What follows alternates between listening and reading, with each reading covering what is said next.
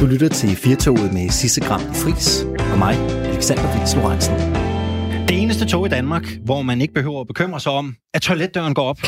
Præcis. Når man sidder der og er midt i sit helligste øjeblik. Oh, ja, og det var jo det, vi talte om i sidste time. Jeg har altså prøvet at sidde ikke inde på toilettet, men på de der pladser over for toilettet, og sidder og passer mig selv i min egen lille verden. Og pludselig så går døren bare op, og så sidder der en stakkels person derinde på toilettet, og jeg kan ikke komme væk. Og det, øh, det er der faktisk en lytter, der lige greb. Mads, han skrev ind til os på sms'en. En lidt sød anekdote, synes jeg, som øh, jeg lige vil læse op her i radioen. Han skriver, apropos det med toiletdøre, der går op.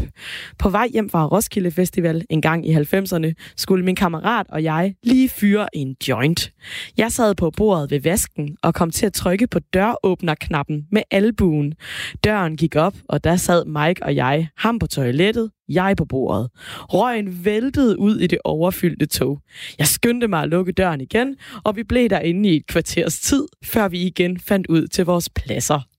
Ja, den er, den er ikke god, hva'? Det må man jo ikke for søren. Det må man jo, øh, det må man jo ikke. Og jeg kan bare lige se det for mig. Det er jo fantastisk, at døren går op, og der så vælter den der tykke hasrøg ud i toget. Ej, det er selvfølgelig ikke... øh, Altså, det her er meget politisk ukorrekt, men tror du Ja, ikke, hvis man det. står derude og øh, ikke kan få en sædeplads, og man har været der i tre timer, tror du ikke, det der lille pust af øh, euforiserende røg kan øh, skabe lidt bedre stemning derude Jo. på det der lille mellemstykke i toget, hvor man jo skal slås for at holde det gode humør højt? Og hvis det har været i forbindelse med Roskilde Festival, jeg forestiller mig, at det også var slemt i 90'erne, men man vil i hvert fald ikke sidde i et tog imellem Roskilde og København under Roskilde Festivalsperioden. Det er en helt anden oplevelse, vil jeg sige, end almindelig togdrift. Ja, det øh, har jeg rigtig, rigtig mange erfaringer med, fordi at øh, min familie tidligere boede på Vestjylland, og øh, jeg har fødselsdag lige omkring Roskilde Festivalen. Ja. Så når jeg boede i København, så skulle jeg ligesom hjem øh, til, øh, til fødselsdag, og så tilbage til København igen. Jeg har aldrig været på Roskilde Festival, desværre. Det må jeg gøre, det må jeg gøre op for en anden god gang. Men øh, det betød jo selvfølgelig også, at øh, togturen fra København til Roskilde, og togen, fra, togturen fra Roskilde til København den anden vej, jo ofte var en lidt, skal vi sige, øh, lidt ildelukkende affære. Det må man sige. Det er jo som om, at det er et lille stykke festival, der bare kører på skinner der, hvor øh, dåsebajer og folk pisser. Og, jamen, det, er, det er voldsomt, det er voldsomt. Det er Mange sover. sover. I toget simpelthen. Ej, jeg, i jeg, toget. jeg, mener bare sådan, når de er ude at tisse på toilettet, så Nå, vælter de jo rundt nå, ud nå, over nå, det jeg hele. skulle til at sige, Så det, var den, der, det den der lugt af urin og, og øl. Det er sådan en der festival, bodega-lugt. festivalduft. Ja, præcis. Den er bare overalt i toget. Det er simpelthen en fornøjelse. Jeg synes mest, det er vasketøjet. Det er den der, oh, du ved, sådan øh, ja. fem dage gammelt festivaltøj. Ej. Den har lidt en tendens til at bore sig op i næseboren, ikke? Altså, Alexander, nu kender jeg jo dig ret godt, og hvis jeg bare lige skal være fuldstændig ærlig, jeg Ja. tror virkelig ikke, du vil trives på Roskilde Festival. Det tror jeg heller ikke. Jeg Nej. godt, jo, jeg vil gerne på sådan en endagsbillet. Det, det tror jeg ret Ja, det tror jeg godt, du vil kunne. Eller også så vil jeg tage afsted, og så kunne tage hjem hver dag og bo. Det er klart, Præcis. jeg vil komme fra musikken og festen. Ikke og så vil meget du for tage hjem og sove i din egen seng og lige tage et bad. Men du tager faktisk lidt fejl øh, med hensyn til mig, fordi øh, jeg har faktisk været på øh, tre dages... Øh, Tre dages. Nej, nej, prøv nu at høre Ja, her. ja, ja. Prøv nu at høre her. Jeg Ja. var til Le Mans 24 timers øh, motorløbet i Frankrig, har jeg været nede at se. Og øh, det er jo varmt dernede. Det, vi kommer Ja. godt over de 30 grader i, jeg tror det er juni måned, ikke? De kører Le Mans. Sis, forestil dig, at du ligger et sted. Der er for det første jo en, en motorbane lige ved siden af teltlejren. Ja. Og de kører jo 24 Hele tiden. timer i døgnet. Ja. Det er jo et 24 timers løb. Derudover, på den anden side, er der minimum 10 teltlejre, hvor der jo er bassarm og øh, oh, dak, ja. dak musik, og jeg skal komme efter dig. Derudover er det varmt. Så folk, de tisser jo på gruset. Og når det er varmt, Så Og det blæser. det jo. ja, så lugter der ellers ikke særlig godt. Det er en menneskelig kattebakke. Det er en menneskekattebakke. Du kommer ud af dit telt, og så står urinstøvet der i hovedet. Så kom du ikke her og sig, at jeg ikke har prøvet. Okay, okay, okay. Jeg trækker lidt i land igen. Jeg det trækker er lidt ikke i helt det land samme igen. som Roskilde Festival. Det er ikke helt, Der er et men eller dog. andet, men, men motorsportsfolket er også et hæftigt festfolk. Det må vi bare, det må vi bare konkludere. Men, øh, men det, som vi i virkeligheden efterspørger sms'er på i dag, det er jo hele den her debat om, hvorvidt øh, det her med at give håndtryk, inden man skal blive stat, dansk statsborger, er det bare helt okay? Det er jo vedtaget ved lov nu, at det, det skal man rent faktisk. Men der er der altså en mand, der har sagt, at det vil han ikke, og at han er dermed ikke blevet dansk statsborger. Så vi vil gerne høre jer, kære lyttere, hvad tænker I egentlig om, øh, om det her? Der har været mange sms'er forbi os i dag, Alexander. En, som jeg har udvalgt her, den læser egentlig op mere op, fordi den er sådan lidt øh, spøjs. Måske den ikke har det store indspark til debatten, men jeg synes alligevel lige, at jeg vil læse den op. Her skriver Paul, Hej Firtoget, angående håndtryk. Jeg hørte forleden, at Frederik den 7. i stedet for at give hånd til gæster, valgte at springe buk. Det var måske en idé for at vise velvilje og energi. Ja.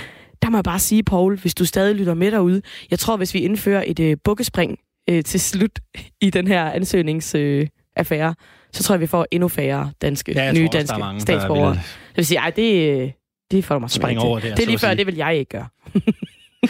Vi har også fået en her fra Rasmus på 25. Jeg ser det ikke som tvang eller undertrykkelse at give hånd. Det er nærmere en form for imødekomst. En håndtrækning for mig siger det også om tankegangen... Øh, nu skal jeg se her, nu forsvinder sms'en. Siger også det om tankegangen, som den pågældende person har til den danske væremåde. Og vil de ikke være en del af den, så er det simpelthen det forkerte land, de er taget til.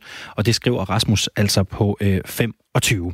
Så øh, det er bare at byde ind øh, i debatten. Vi to er ikke helt enige. Du mener jo, Nej. det er et stykke symbolpolitik. Det er jo øh, Inger Støjberg, som tidligere udlændingeminister, øh, der stod i spidsen for det her og sagde, prøv at høre her, hvis man gerne vil være en del af det danske samfund, så må man også være villig til at give hånden. Du mener, det er Jeg synes, lidt det er lidt unødvendigt. Ja, Det synes jeg. Jeg synes godt, man kan få lov at blive dansk statsborger, selvom man ikke vil øh, give et håndtryk. Og der kan jeg godt mærke, at jeg så er uenig med størstedelen af vores lyttere. Øh, men, men det mener jeg faktisk stadig. Og det er super cool, man skal bare stå på mål for, Ja. ja. for sine holdninger. Jeg har det lidt sådan, jeg synes, jeg synes faktisk, det er en rimelig lille ting, man skal gøre for at, blive en del af, det danske samfund.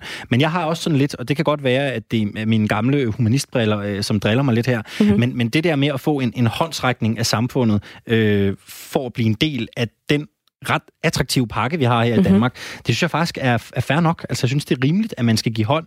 Det er jo... Øh, det er jo også en meget fysisk tilkendegivelse af, at man gerne vil være en del af det danske samfund. Jeg, jeg synes faktisk, det er okay, når man tænker på, hvad det er for et, øh, hvad det er for et samfund, man kommer fuldbyrdigt ind i, når man tænker på, hvordan vi tager os af de svageste i Danmark. Altså, der er jo ikke nogen, der er overladt til sig selv i det her land. Vi har det ret meget bedre, end man har mange andre steder. Så jeg synes faktisk, det er fint. Og, og i forhold til den her sag, som vi jo også talte om tidligere, hvor det jo handlede om øh, den her øh, konkrete mand, som jo havde været igennem ansøgningsprocessen, men som så valgte til sidst ikke at give hånd til øh, fra Alternativet i Københavns borgerrepræsentation. Han valgte simpelthen at gå igen øh, og, og bruge det som et statement. Og, og jeg har det sådan lidt, altså hvis man har den indstilling, at, at man ikke vil give hånd, og at man gerne vil lave et stunt ud af det, så, så har man nok ikke sulten nok efter det danske statsborgerskab, tænker jeg. Altså, når du formulerer det på den måde, Alexander, så øh, du har jo en god øh, måde med ord, så kan jeg godt forstå, hvad du mener. Jeg synes bare, at modpolen er, at vi også skal respektere forskellighed og mangfoldighed i det her land, og det synes jeg også er at være dansk. Så hvis vi har nogen, der ikke har lyst til den her lille bitte gestus, så synes jeg ikke, at det betyder, at vedkommende ikke kan blive dansk statsborger. Vi har en sms her fra Torkild Lykke, der skriver, man kan blive døbt uden at give hånd, man kan blive konfirmeret uden at blive, give hånd. Man kan blive gift uden at give, blive, give hånd. Man kan blive begravet uden at give hånd. Det er altså noget pjat med det håndtryk. Og Ja. vi har plads til mange flere holdninger øh, herinde. Ring til os på øh, 72 30 44 44, hvis du gerne vil blande dig i debatten. Ring til 72 30 44 44. Ellers så send os en sms. Du skriver R4, laver et mellemrum, kommer så med din øh, besked og sender det hele afsted til 1424. Mennesker og teknologi smelter lige så stille sammen. Det er altså, er det fremtiden, der vil gøre os til cyborgs, eller hvad er det, der foregår? I hvert fald bliver der taget flere og flere skridt hen imod at implementere elektroniske eller digitale chips i mennesker, øh, som ligesom skal sende signaler til hjernen. Blandt andet fra Elon Musk firma Neuralink, der arbejder man på at styrke menneskets hjernekapacitet og intelligens ved hjælp af en lille chip. Ja, det lyder jo lidt, øh, lidt sci-fi uhyggeligt, synes jeg. Vi har øh, stadig til gode at se det folde sig ud i realiteten, men det har altså ikke forhindret folk i at dele sig i to forskellige lejre. Det her, det skaber nemlig lidt debat, Alexander. Der er jo nogen, der er for, der synes, det her det virker da som en, en god og spændende mulighed for os mennesker at optimere os selv. Og så er der nogen, der er imod chippen og synes, at det er farligt at begynde at lave en teknologi-menneske-symbiose, så at sige. Det ved vi måske ikke så meget om, men en, der ved noget om det her, det er Preben Meier, som er direktør i Radar. Og øh, velkommen til dig, øh, Preben. Kan du finde en mikrofon et sted? Øh, det øh, var det, man kalder en flyvende start. Ja, det var det da i hvert fald. Kan- Jeg tror godt, du kan løfte mikrofonen Ja, øh, en ellers lille så smule op. skal jeg jo til kiropraktor, det kan man Ellers så måske kommer også. jeg og hjælper dig med det. Lyder fint nok her. Øh, siger, jeg, siger jeg det rigtigt? Radar? Ja, uh, Radar. Radar? Ja. Radar, okay. Ja. Jeg er 33, jeg burde måske være lidt mere moderne. Øh. Uh, Radar, som, uh, som jo formidler det nyeste inden for teknologi. Preben Meier, først og fremmest, hvad er det, man håber på, at den her chip vil kunne påvirke i menneskehjernen? Altså, jeg ved ikke, hvor meget man håber på. Altså, man kan sige, at, at øh, det, der, det, der jo i virkeligheden sker, det er jo, at vi ser en udvikling i retning af noget, der har været i gang længe, som er den gamle historie med cyborgs, altså hvor vi smelter maskiner og teknologi sammen. Og det kan man så diskutere, om ikke vi alle sammen på en eller anden måde er, fordi vi er så grundigt gift med vores smartphone, så jeg lige nåede at få min på flight mode her for 8 sekunder siden. Og øh, vi ser en masse andre eksempler på den her integration allerede. Høreapparater, der er indbygget i, i øret. Vi ser mennesker, der har forskellige øh, hjælpemidler. Pacemaker er jo også en variant over det samme tema. Så der er jo masser af eksempler på de her fusioner imellem mennesker og maskiner allerede.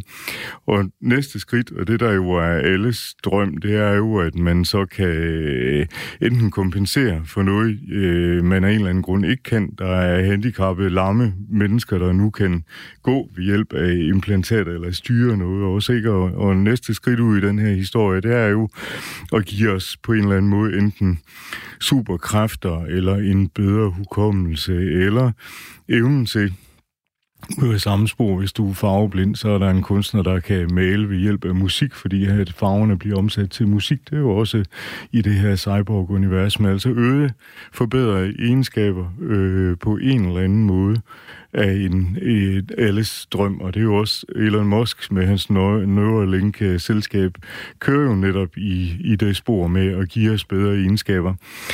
Det er jo så ikke en tip, der bliver indbygget i hjernen, altså det, som er hans vision, øh, i hvert fald short term, det er, at man lægger ligesom sådan net ud over hjernen, hvor øh, de her punkter, de så integrerer med hjernen, så du øh, begynder at kunne kommunikere ved hjælp af det der netværk med et eller andet, der er udenfor. Og i reklamen for Elon Musk, der sidder man en nydelig ung dame med en øh, sådan stor oversize høreapparat bag det ene øre, hvor tips og hele balladen sidder i, så en stor del af det sidder udenfor, og nettet er så inde i hjernen, og det skal du nok så lige tage et stort tilløb, før du får øh, plantet det der net ind i hjernen. Nu, nu ved jeg ikke, øh, Preben Meyer, om du faktisk er den rigtige at spørge om det her, men jeg, jeg kan mærke, at jeg sidder og tænker, der er jo så meget, vi ikke ved om menneskehjernen. Det, ja. det er jo det her organ, vi, vi nærmest ikke rigtig forstår os på. Så jeg er svært ved at se, hvordan man tør tage det her skridt. Kan du komme lidt nærmere? Hvad, hvad er det for en proces? Hvad, hvad, hvad er det, man vil? Altså, øh, i første omgang, der er det sådan nogle elektroder, du får sat ned i hjernen, og de mennesker, der vælger at gøre det, det er nogen, der typisk øh, har en eller anden form for funktionsnedsættelse, eller øh, ham manden, som jeg er en af eksemplerne, der øh, drømmer om at blive i stand til at gå igen. Ikke? Det vil sige, hvis du mangler noget, så er du nok, nok ligesom mere modtagelig for det her. Hvis du i forvejen er rigtig godt kørende, ligesom du selv er, ikke? så øh, er det måske ikke lige det, der, du har mest lyst til. Jeg vil sige, jeg er glad for at køre Tesla, Tesla, men jeg tror ikke, jeg bliver kunde til den her Elon Musk, øh, øh, det her produkt fra Elon Musks øh, side. Og hvorfor gør du ikke det? Ja, jeg synes, det der med at lave indgreb i hjernen på den måde, det tror jeg altså lige, jeg venter et par øh, produktgenerationer med, før jeg selv hopper på den. Øh, så man kan sige, der er klart et issue her, eller en udfordring her med, at vi laver et, et, et relativt stort indgreb. Selv det at få sat små elektroder ind i hjernen, som jo man også kan gøre, det er nok også lige noget, jeg springer over i første omgang. Men der ligger jo masser af spændende muligheder i det. Altså perspektiverne er jo, at du kan øh, integrere de her ting, så du bliver et øh, supermenneske, eller du får en super hukommelse. Og hvis jeg nu en dag går hen og begynder at få demensproblemer, så kan det da godt være, at jeg vil synes, det var spændende på den måde at kunne kompensere for, at min egen øh, hukommelse begynder at fade away. Altså, det lyder jo som en fantastisk løsning, hvis det kunne lade sig gøre. At man ligesom kan booste hjernen og sanserne, så man måske kan undgå demens osv. Men hvad er det så alligevel, der får kritikerne til at hæve stemmen her? Hvad altså, er problematikken i det her? Ja, altså, der er jo, problemerne i det her er jo en stribe. Altså, for det første er der selvfølgelig, som i alle andre sammenhænge, i sikkerhedsproblem øh, her, fordi det vil nok være lidt ufedt. Altså, en ting er, at din smartphone eller din computer bliver hacket, men hvad nu med, hvis din menneskehjerne bliver hacket? Øh, Øh, så øh, sikkerhed er jo et, et enormt vigtigt aspekt. Man har faktisk for ikke så længe siden hacket en pacemaker. Det var måske ikke så fedt, hvis din pacemaker pludselig begynder at slå i tre fjerdedels takt, eller hvad pokker vi jeg, ikke? Så det vil sige, at sikkerhed i den her sammenhæng er jo selvfølgelig et stort og vigtigt område. Så er der etik og moral, altså hvad, hvad vil... Hvis du pludselig får superkræfter og bliver øh, endnu øh, mere klog, end du er i forvejen, hvad så med alle os andre stakler? Altså vil vi vandre rundt i sådan en verden af, at vi bliver undermennesker, og de andre bliver overmennesker? Øh, så der er en, en bred vifte af etiske og moralske udfordringer og, og problemer forbundet med det her. Og så er der så, som sagt, selvfølgelig også et, et kæmpe sikkerhedsafsnit øh, udfordringer der. Præcis, og hvis du nævner det nemlig selv, så vil man jo også kunne hacke det. Ja. Altså her bliver det virkelig øh, creepy øh, synes ja. jeg. Vil, du ikke prøve at uddybe ja, lidt? Øh, altså, man det? kan jo sige, at, at det, det er jo altså lige lidt langt ude, det vi har gang ja. i, men altså, øh, og det var altså adskillige år, før vi ser det her. Det er ikke noget, der ligger under juletræet, så du er mor og far for sådan en implantat der, vel, men, øh, men øh, altså, et, alt, et, altså nu nævner jeg pacemakeren, øh, hvor et af de store amerikanske pacemaker-firmaer havde et sikkerhedsissue, og den kunne faktisk hackes. Og det vil sige, hvis nu vi tager den videre med ham der, øh, gutten, der bruger det her til at kunne gøre noget, han ikke kunne før, fordi han er lam, jamen så vil det sige, hvis han så bliver ikke, så ryger vi jo i alle mulige sindssyge billeder, lige fra, hvad er det, Ministeriet for sindssyge gangarter til, hvad vi er, ikke? Og du vil også kunne snyde det på forskellige måder, så du i virkeligheden måske oplever noget andet det, du egentlig ser i virkeligheden. Altså, du kan jo snyde en selvkørende bil, så den, dens hjerne tror, at den må køre hurtigt et sted, hvor den ikke må køre hurtigt. Det har Tesla jo blandt andet på forsøgsbasis gjort. Så alt kan jo øh, gå galt, hvis ikke at man har rigtig, rigtig godt styr på, på hele sikkerhedssiden af det her. Nu kan det godt være, det er mig, der har set for meget Black Mirror på Netflix, men jeg sidder også og tænker på, om man kunne komme Okay, nu taler vi virkelig ud i fremtiden, ja. Preben. Men om man kunne komme ud i sådan noget med, at man kan øh, plante minder, eller slette minder, eller fjerne synet på mennesker. Ja, hvorfor skulle man ikke kunne det? Altså, ja. man kan sige, at hvis det er din hukommelse, hvis jeg nu er gået hen og blevet øh, dement, og min hukommelsesforlængelse så ligger her, så kan man jo i virkeligheden også manipulere med min hukommelse. Nu er vi altså ikke lige i over morgen, men Slet længere ikke. fremme. Men i princippet, så vil man kunne det. Øh, hvis du kan give mig en ny hukommelse, så kan du også bestemme, hvad der er, jeg skal kunne huske, ikke? Det har du fuldstændig ret i. Og så er det jo sådan lidt en guddommelig indgreben, kan man jo også sige, det i er mennesket. Det. det er det, så øh, vi åbner virkelig et stort kapitel omkring etik og moral, men det var altså nogle år endnu. Men kan man ikke tale om, at der er forskel på et, et lukket kredsløb, og så et kommunikation med resten af verden, altså jo, internettet? altså det er da klart, at i øjeblikket, du holder det her lukket, så er risikoen jo ikke så stor. Altså skal du virkelig gøre avancerede ting. Den der pacemaker i USA, der blev hacket, den brugte Bluetooth, som er det, din smartphone bruger til at snakke med dine earplugs. Det var den måde, man software opdaterede den der øh, øh, pacemaker på. Og det vil sige, at, at, at den vej kunne man så komme ind i pacemaker pacemaker'en. Så, øhm, og jeg har svært ved at forestille mig, at de her systemer vil være lukket helt af, fordi de skal jo også opdateres. Så øh, sikkerheden omkring det at køre med systemerne i en lukket verden og isolere dem osv., videre, ja, der bliver virkelig noget at se til. Ja, det er skræmmende. En ting er, hvad Elon Musk siger. Han har, han har proklameret, at hans firma er klar til at teste de her chips allerede i 2021. Hvad er din holdning til det?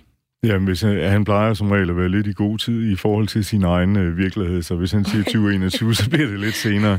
Men øh, omvendt så var det ikke mange år, øh, og det han så vil teste på det tidspunkt, det er jo nok en eller anden begrænset form for funktionalitet, og det er nok ikke den der fulde udgave med det der net, men måske noget med nogle, jeg kunne forestille mig, det er noget med nogle implantater, og så er det det at kunne styre eller gøre et eller andet begrænset. Øh, det er ikke den fulde udgave.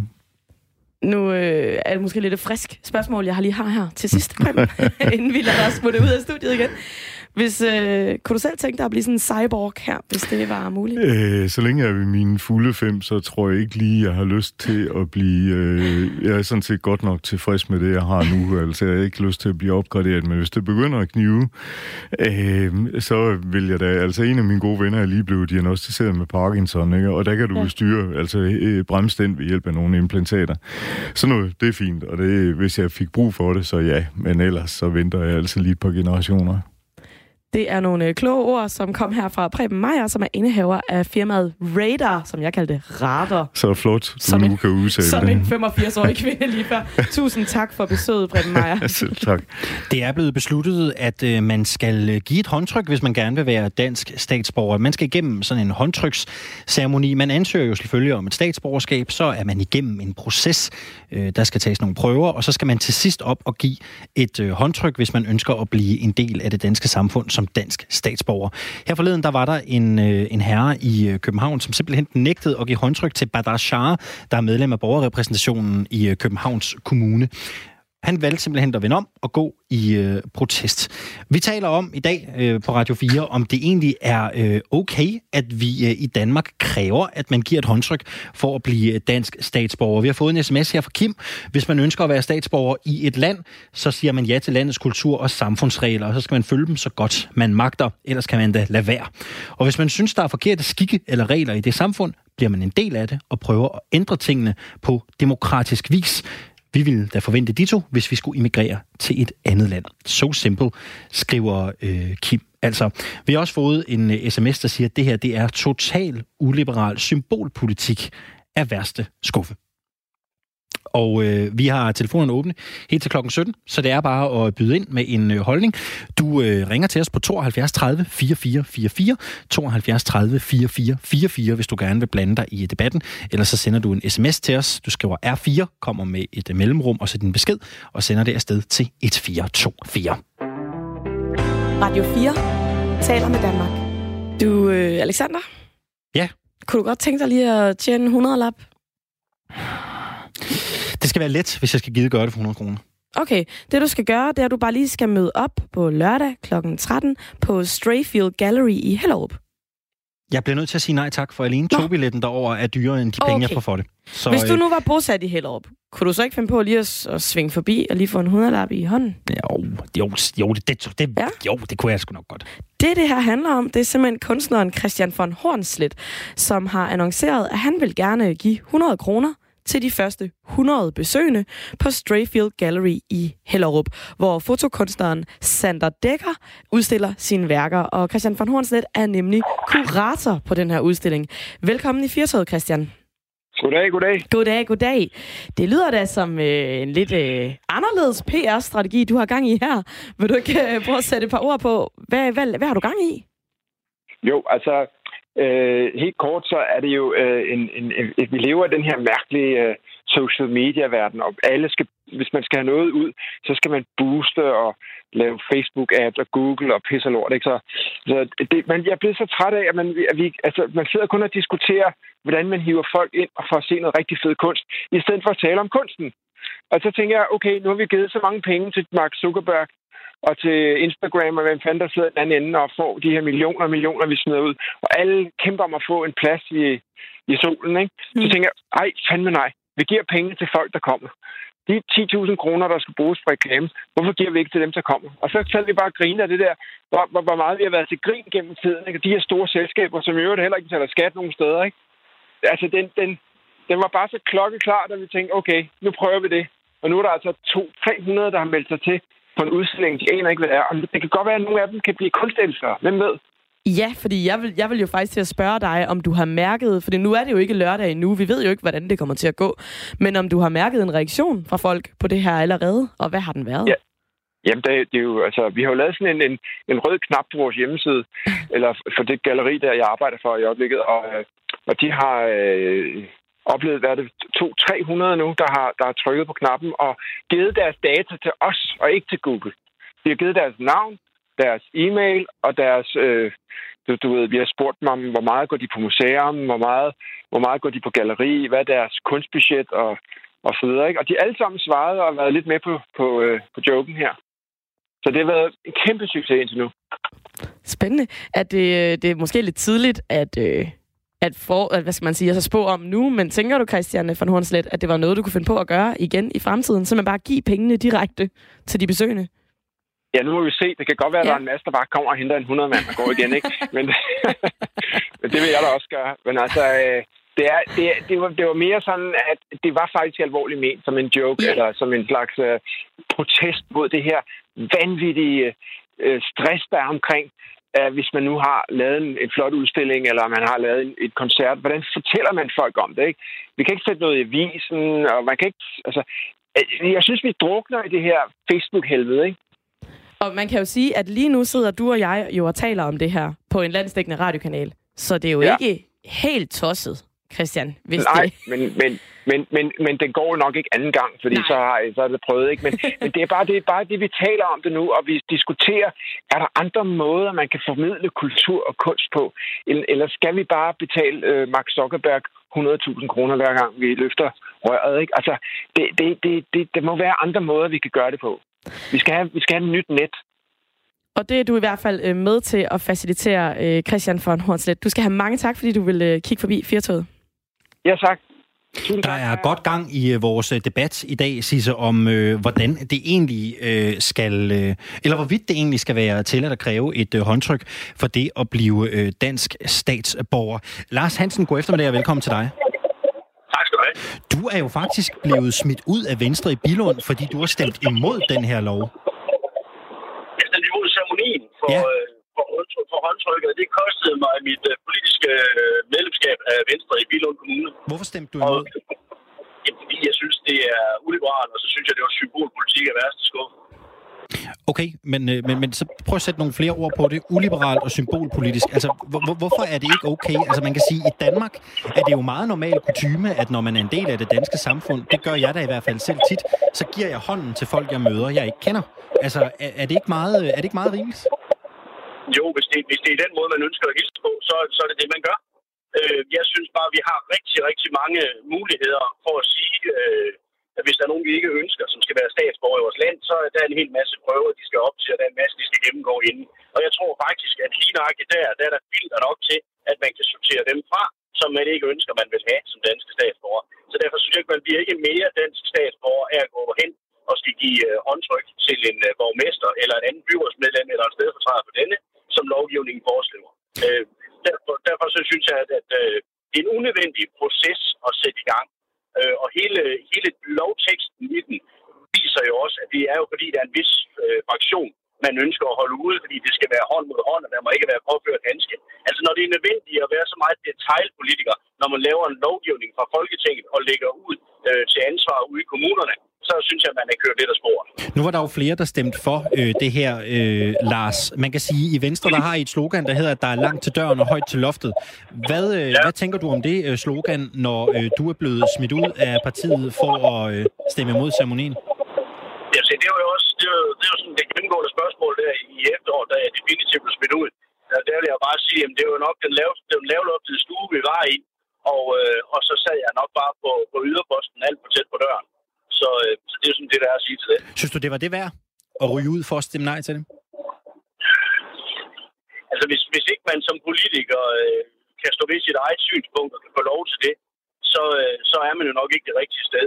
Øh, og der, så var, der var desværre ikke højt nok øh, til op til det venstre. Ja, så jeg synes, det er jo det værd. Altså, det, og jeg gør, det, jeg gør det gerne om igen, hvis jeg får muligheden for det. Så lød det fra Lars Hansen. Tak skal du have, fordi du havde lyst til at gæste Firtoget. Selvfølgelig. Og vi bliver lidt ved politik, for vi har talt meget om øh, alternativet og de interne stridigheder i det grønne parti i de øh, sidste par uger, særligt de sidste par dage her på Radio 4. Og med god grund, for efter Josefine Fock blev valgt som ny forkvinde for partiet, så er tonen blevet mere og mere giftigt. Det hele eskalerede, da Dagbladet Information bragte et portræt, kalder de det, om den nye formand, hvor flere kilder havde fortalt, at Josefine Fock er en særdeles konfliktskabende og aggressiv leder, til tider endda også fysisk. Siden er flere tidligere stemmer fra Alternativet gået ind i debatten, blandt andet partiets tidligere sekretariatchef Mikkel Nørskov Kær og den tidligere pressechef Magnus Harl Haslebo, der har sagt til DR, at Josefine Fock har råbt så højt til tider, at man kan dufte, hvad hun har fået til frokost. Splittelsen er total, og i firtoget, der kan vi jo godt lide den gode stemning, Sisse. Det er vi glade for. Ja, vi vil godt have, at det skal Ja. være en lille smule hyggeligt. Helst. Så vi øh, skal da selvfølgelig forsøge, om vi kan samle familien på Christiansborg igen. Velkommen til dig, Vinnie Aarkrog. Tak for det. Du er øh, familierådgiver, og øh, hvilken bedre person at ringe til, hvis vi skal få øh, familien Alternativet til at samle sig igen. Allerførst, øh, Vinnie, synes du ikke også, det lyder som om, at der trænger til lidt, lidt god familieterapi i Alternativet? Nå, det kunne godt være, at de har brug for noget. Der er vist nogle dynamikker, der er gået skævt. Hvor er det smukt, Vini. Så lad os øh, kaste os ud i det. Altså allerførst har jeg jo tale om en gruppe mennesker, som tilbringer ekstremt meget tid sammen. De øh, går til forhandlinger sammen i Folketingssalen.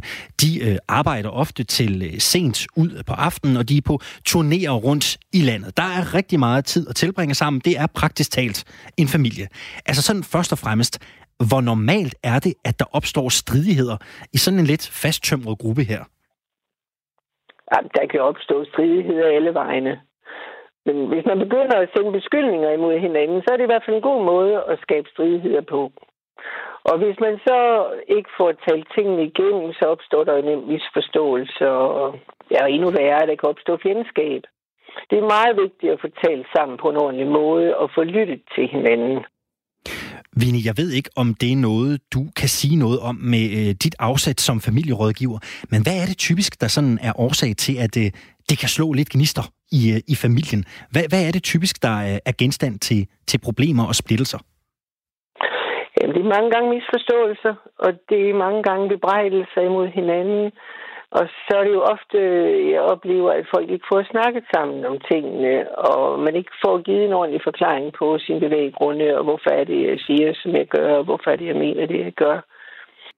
Det kan også være, at, øh, at man drager nogle forhastede slutninger på noget, som man måske ikke havde fået talt igennem, eller man overreagerer på noget, der ikke rigtig var, fordi det alligevel var en misforståelse. Og derfor er det så vigtigt at få talt tingene ordentligt igennem. Og eventuelt så kan man jo også få hjælp til det. Ja, det kan man jo. Man kan jo blandt andet henvende yeah. sig til sådan en øh, som dig. Og lad os nu øh, lege med tanken, at de sidder og lytter med i Alternativet. Det antager vi øh, naturligvis, øh, de gør.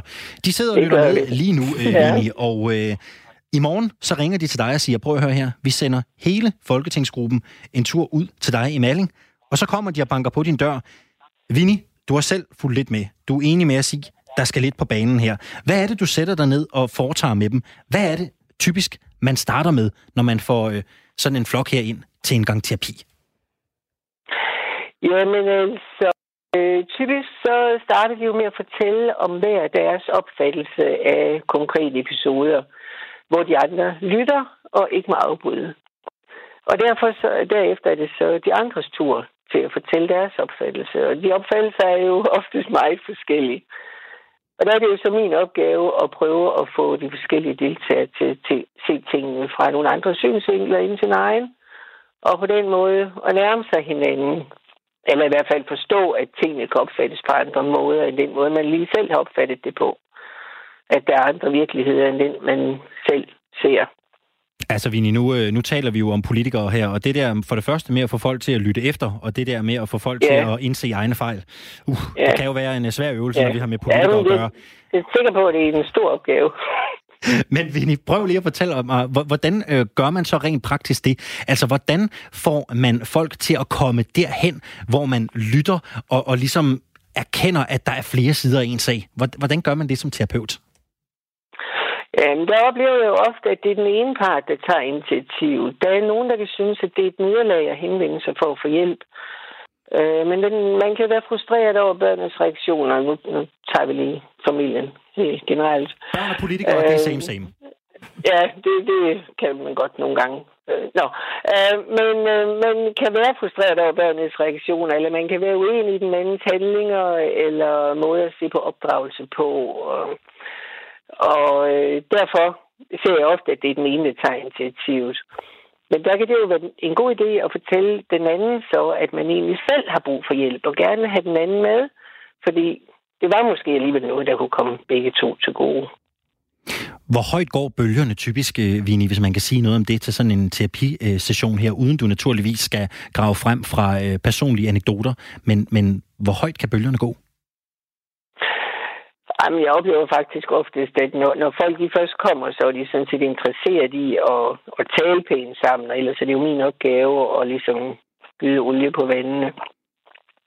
Og, og, og netop lade folk tale ud og lytte til hinanden. Altså, det, det er jo mig, der som konfliktmaler så må gå ind.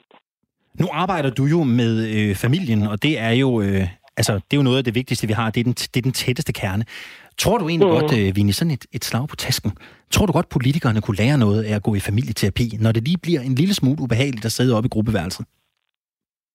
Jamen, øh, det kunne man da godt nogle gange få en opfattelse af, at det, der kunne være nogle små hints, de godt kunne gøre brug af.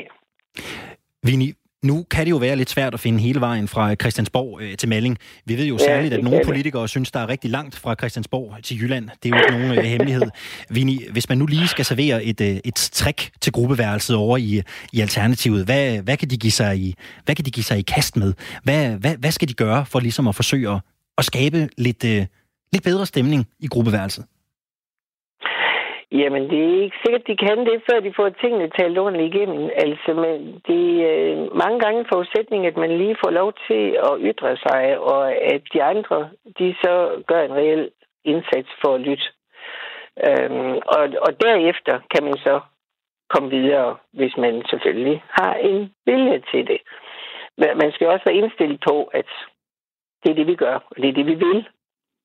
Men hvis man er indstillet på at tale sammen, og tale roligt om tingene og lytte til hinanden, så kan man også godt komme videre. Er min oplevelse i hvert fald. Der er ingen tvivl om, at øh, bølgerne kan gå højt i en, mm. øh, i, en, i en familie. Det kan det helt sikkert. Mm. Men i den her familie, vi taler om i dag i Alternativet, Mm-hmm. Der er vi jo nærmest sådan et sted, hvor folk de taler grimt til hinanden på de sociale medier og i offentlige fora, og folk skal forklare sig i det ene og det andet sted. Og, øh, og det, det kan være lidt svært at finde ud af, hvem der egentlig er uh, the good cop, og hvem der er the bad cop. Der er rigtig mange ting, der fyrer i luften. Øh, kan man egentlig kan man redde alle bristede forhold, fristes man til at spørge, når man kigger på lige den her sag i Alternativet? Det kan være svært at udtale sig om. Altså generelt så kan alle bristede forhold jo desværre ikke reddes. Altså det kan jo blive kørt så meget af sporet, så det ikke kan lade sig gøre ret job. Men der er mange, der kan. Altså hvis man har viljen og er indstillet på at, at lytte til hinanden og tale sammen. Øh, men det kræver det jo, og det, ja, det er jo ikke altid, men måske den vilje måske er til stede. Det, det er jo ikke til at vide. Men det er i hvert fald en forudsætning. Jeg er ikke i tvivl om, øh, oven på øh, vores lille snak her, Vini, at øh, det kan jo være, at du får et opkald fra Christiansborg i øh, nærmeste fremtid. Der er jo mange penge øh, i partistøtte i disse tider, så det kan jo være, at nogle af dem de skal gå til øh, noget familieterapi. Vini Aarkro, tusind tak skal du have, fordi du havde lyst til at øh, forsøge at hjælpe Alternativet på vej mod en lidt mere harmonisk fremtid. Og have en rigtig dejlig eftermiddag. Ja, men selv tak, og øh, tak lige måde. Firtoget. Lyt med alle hverdage fra 15.05. Danmark har fået sit første tilfælde af coronaviruset covid-19. En journalist fra TV2 er angiveligt blevet smittet med viruset efter en skiferie til Italien. De næste 14 dage er han så i hjemmekarantæne, og det samme er en række kolleger fra TV2. Jeg tror, det er 16 personer i alt fra TV2, som også skal i hjemmekarantæne, som man øh, forventer har været i nærkontakt med den smittede medarbejder. På TV2 der øh, har man øh, hele dagen været i kontakt med Styrelsen for Patientsikkerhed for ligesom at tale om, hvordan man bedst tager hånd om den her sag. Så det kan også være, at der er flere, der vil blive sendt hjem. Det har naturligvis udlyst gule bjælker hele dagen på de danske medier. Men er det egentlig, og det kan måske lyde forkert, men er det en storm i et glas vand, når man tænker på, hvor farlig coronaviruset reelt er? Tallene øh, fra Kina, som der refereres til i et øh, indlæg fra læge Ida Duncan i Berlingske, viser nemlig, at der er stor forskel på dødeligheden alt efter aldersgruppe. Dødeligheden ved smitte for folk over 80 år er tæt på 15 procent, hvilket jo er højt, men for alle under 80 ser det markant anderledes ud. Dødeligheden er eksempelvis 1,3 procent for de 50-59-årige, og kun 0,2 procent for de 10-39-årige. Og ingen børn under 10 er døde af coronaviruset. Og det betyder jo faktisk, at dødeligheden er øh, markant mindre, hvis der ikke er nogen øh, konkurrerende sygdomme. Velkommen øh, til dig, øh, Vibeke Borberg. Tak skal du have. Du er advokat og Ph.D. i øh, retsvidenskab med speciale i informationsret, medieret og presseetik. Allerførst, har medierne et ansvar for, hvordan coronavirusets farlighed opfattes i Danmark? Øhm, det må man nok sige både ja og nej til. Øh, medierne skal jo formidle den information, der er om det her virus og den situation, der er om smitten i Danmark og andre steder i verden. Og der skal de selvfølgelig basere sig på de faktiske oplysninger, som sundhedsmyndigheder og andre kommer med. Og på den måde, øh, der formidler de jo noget, som, som man kan sige, de ikke helt selv har ansvaret for indholdet af. Øh, og på den anden side, så øh, har de jo et ansvar i den måde, de dækker øh, den her sag på, og de har også et ansvar i omfanget af det. Og normalt så vil man jo sige, at at mediedækningen den skal være proportional med emnets karakter og væsentlighed. Øh, så man kan lave en, en, en væg-til-væg-dækning øh, af emner, som er meget, meget væsentlige og har en ekstrem stor samfundsmæssig betydning, mens det ikke er tilfældet for andre typer af nyheder. Øh, og der er det klart, at, at der kan man jo godt diskutere, om medierne i de her dage, navnlig siden det i går kom frem, at der var en dansker, der var smittet, altså har haft tilstrækkeligt, altså om det er proportionalt at lave den her væg-til-væg-dækning, som i hvert fald nogle af, af tv-kanalerne har haft, og som også har domineret øh, de store avisers hjemmesider.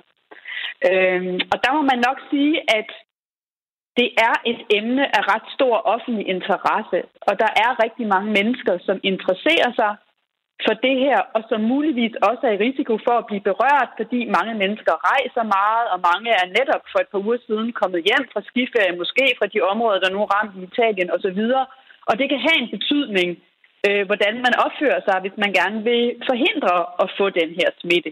Så på den måde kan man sige, at, at emnet, selvom der kun er én smittet dansker, og selvom, som du selv sagde i introduktionen, at det her virus sådan set ikke er så farligt igen, øh, som andre virer, vi har set, øh, så synes jeg nok, at der er grund til at give det en, øh, en dækning, øh, men den skal stå i et rimeligt forhold til øh, sagens karakter. Og her er vi jo inde i noget, der kan være et lidt øh, svært grænseland. Nu er du ikke selv journalist, men øh, du, øh, du arbejder med at undervise øh, journalister, og du er ekspert i presseetik. Altså, øh, hvad er det for redaktionelle overvejelser, man som medie gøre sig, når man behandler et emne som coronaviruset, og som nu endda også er, er kommet til Danmark? Jamen på den ene side, så er mediernes opgave jo at formidle information.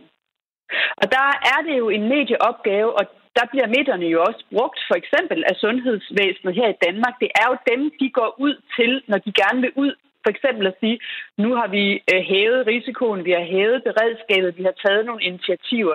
Det er jo noget, de indkalder til et pressemøde for at fortælle om. Så på den måde er medierne jo virkelig et medium, altså nogen, øh, et talerør for sundhedsmyndighederne og, og, og, og de politiske øh, aktører, der også er på banen. Og, og det er helt klart mediernes opgave at sikre, at befolkningen er klædt på dels til at forstå, hvad er det for en risiko, vi står overfor, men selvfølgelig også til konkret at opføre sig, altså, altså ligesom tilegne sig en adfærd, som minimerer den her smitterisiko. Øh, og på den anden side, så skal medierne jo passe på med ikke at skabe en panikstemning. Altså sørge for hele tiden at gøre opmærksom på det, som du også sagde i din indledning. Altså indtil videre har vi en smittet dansker. Vi har ikke grund til at tro, at der er i gang, at vi har en, en, en større smittekæde i Danmark. Det er et virus, som kun er farligt for en ret lille del af befolkningen, mens, andre, mens langt de fleste andre vil opleve, at de kun får en, en, øh, en mild øh, sygdom ved at få det her virus. Så, så, så det er jo en balance mellem øh, at, at, at, og til gode se at opfylde det her store informationsbehov, som befolkningen har, og på den anden side sikre, at det ikke bliver hysterisk, og at vi ikke går i panik. Ja, fordi når man kigger lidt rundt omkring på øh, de danske medier, særligt de lidt mere tabloide slagsen, så øh, får vi jo også præsenteret overskrifter om øh, dræber, øh, den store dræber, altså dræberviruset. Mm, mm. Øh, der, der bliver spillet på de helt store formuleringer, de helt store øh, tangenter. Når vi ser noget som det her i medierne, er der sket noget med vores måde at behandle det her på journalistisk, altså i forhold til vores væsentlighedskriterier? Altså er det med følelser blevet et vigtigere kriterie i redigeringen af vores, af vores nyhedsstrøm? Altså, det er nok, det er nok svært, på, svært at svare på generelt, men der er sket nogle ting, som betyder, at sådan en situation, der opstår for eksempel med et coronavirus, for eksempel med, med øh, altså terrorhandlinger, øh, også selvom, selvom de måske kan, kan, kan være af mindre karakter. Altså det er jo, at øh, medierne de senere år, altså i, i for Danmarks vedkommende siden øh, TV2 News blev en tv-kanal, kom som tv-kanal, øh, kan dække 24-7, altså at, at vi har nyheder i døgndrift. Øh, det er den ene ting. Den anden ting er, at øh, øh, mediernes øh, digitale platforme, altså de her deres netaviser, der er jo også mulighed for at foretage en løbende og konstant opdatering og, og ligesom redigere øh, det, in, altså det internetmediet på en måde, så det vigtigste står først og er markeret med gult og så videre, som vi alle sammen kender. Og, og, og de her situationer er utrolig velegnede til de formater, fordi som du sikkert også selv har lært, da du, da du læste journalistik, altså emner, som har de her katastrofeelementer i sig, de, de er meget appellerende, og det, det er nogle emner, som medierne rigtig gerne vil i kontakt med deres læsere og seere om. Så på den måde er, er, er emner af den her slags både velegnet til formaterne, men passer også ind i jeres nyhedskriterier på den måde, at I får rigtig mange, øh, I får rigtig meget opmærksomhed på dem. Det, jeg hører dig sige, er jo, at det her øh, både er væsentligt og, og, og dække, men der er også nogle, nogle åbenlyse øh, øh, gråzoner, øh, man skal holde sig lidt ud af, i hvert fald hvis man er publicist og ønsker at, at behandle det her. Altså, det at jeg hørte dig lidt sige, at det faktisk giver mening, at vi i Danmark har dækket det så intenst. Jeg tror, at DR.dk har øh, måske 10 øh, historier om coronavirus mm. på, på mm. forsiden i dag. Ja, altså, altså det der sker, øh, og det som, som, som også er mediernes rolle, men det der sker i sådan en situation her, hvor, hvor, hvor den her virus, som vi nu har hørt om de sidste måneder, pludselig kommer til Danmark, det er, der opstår et meget stort informationsbehov hos befolkningen. Og det behov handler både om, kan vi føle os trygge ved myndighederne, myndighedernes håndtering, med det beredskab, der er med den strategi, der er lagt osv., for hvordan man vil håndtere det. Øh, det, det er det ene informationsbehov, det andet det er, hvad, skal jeg, hvad kan jeg selv gøre? Hvad kan jeg gøre for at undgå at få den her øh, virus, eller hvad kan jeg gøre for at undgå at, at blive komme ind i sådan en smittekæde, hvor jeg både får det, men måske også kommer til at give det videre, og måske give det videre til nogle af dem, man holder allermest af, nem, nemlig ens familie, børn, venner osv. Så på den måde er der øh, et naturligt behov for at få den her information dækket, og det er i et samfund som vores, det er medierne, der varetager den opgave. Øh, så, så, så det synes jeg, det, det synes jeg er, altså det, det, det er, det er helt naturligt, og det er, øh, når vi siger, at medierne har en samfundsopgave, så er det blandt andet det her.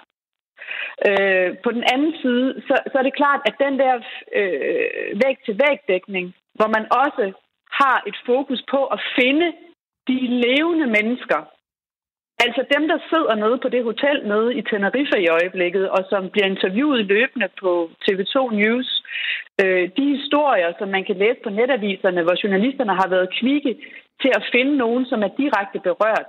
Det er jo der, hvor man kan spørge, om, om, om man da er i gang med at komme ud af proportioner. Fordi så er det nemlig, at, at risikoen for det her hysteri øh, og den her panikstemning, den måske bliver større.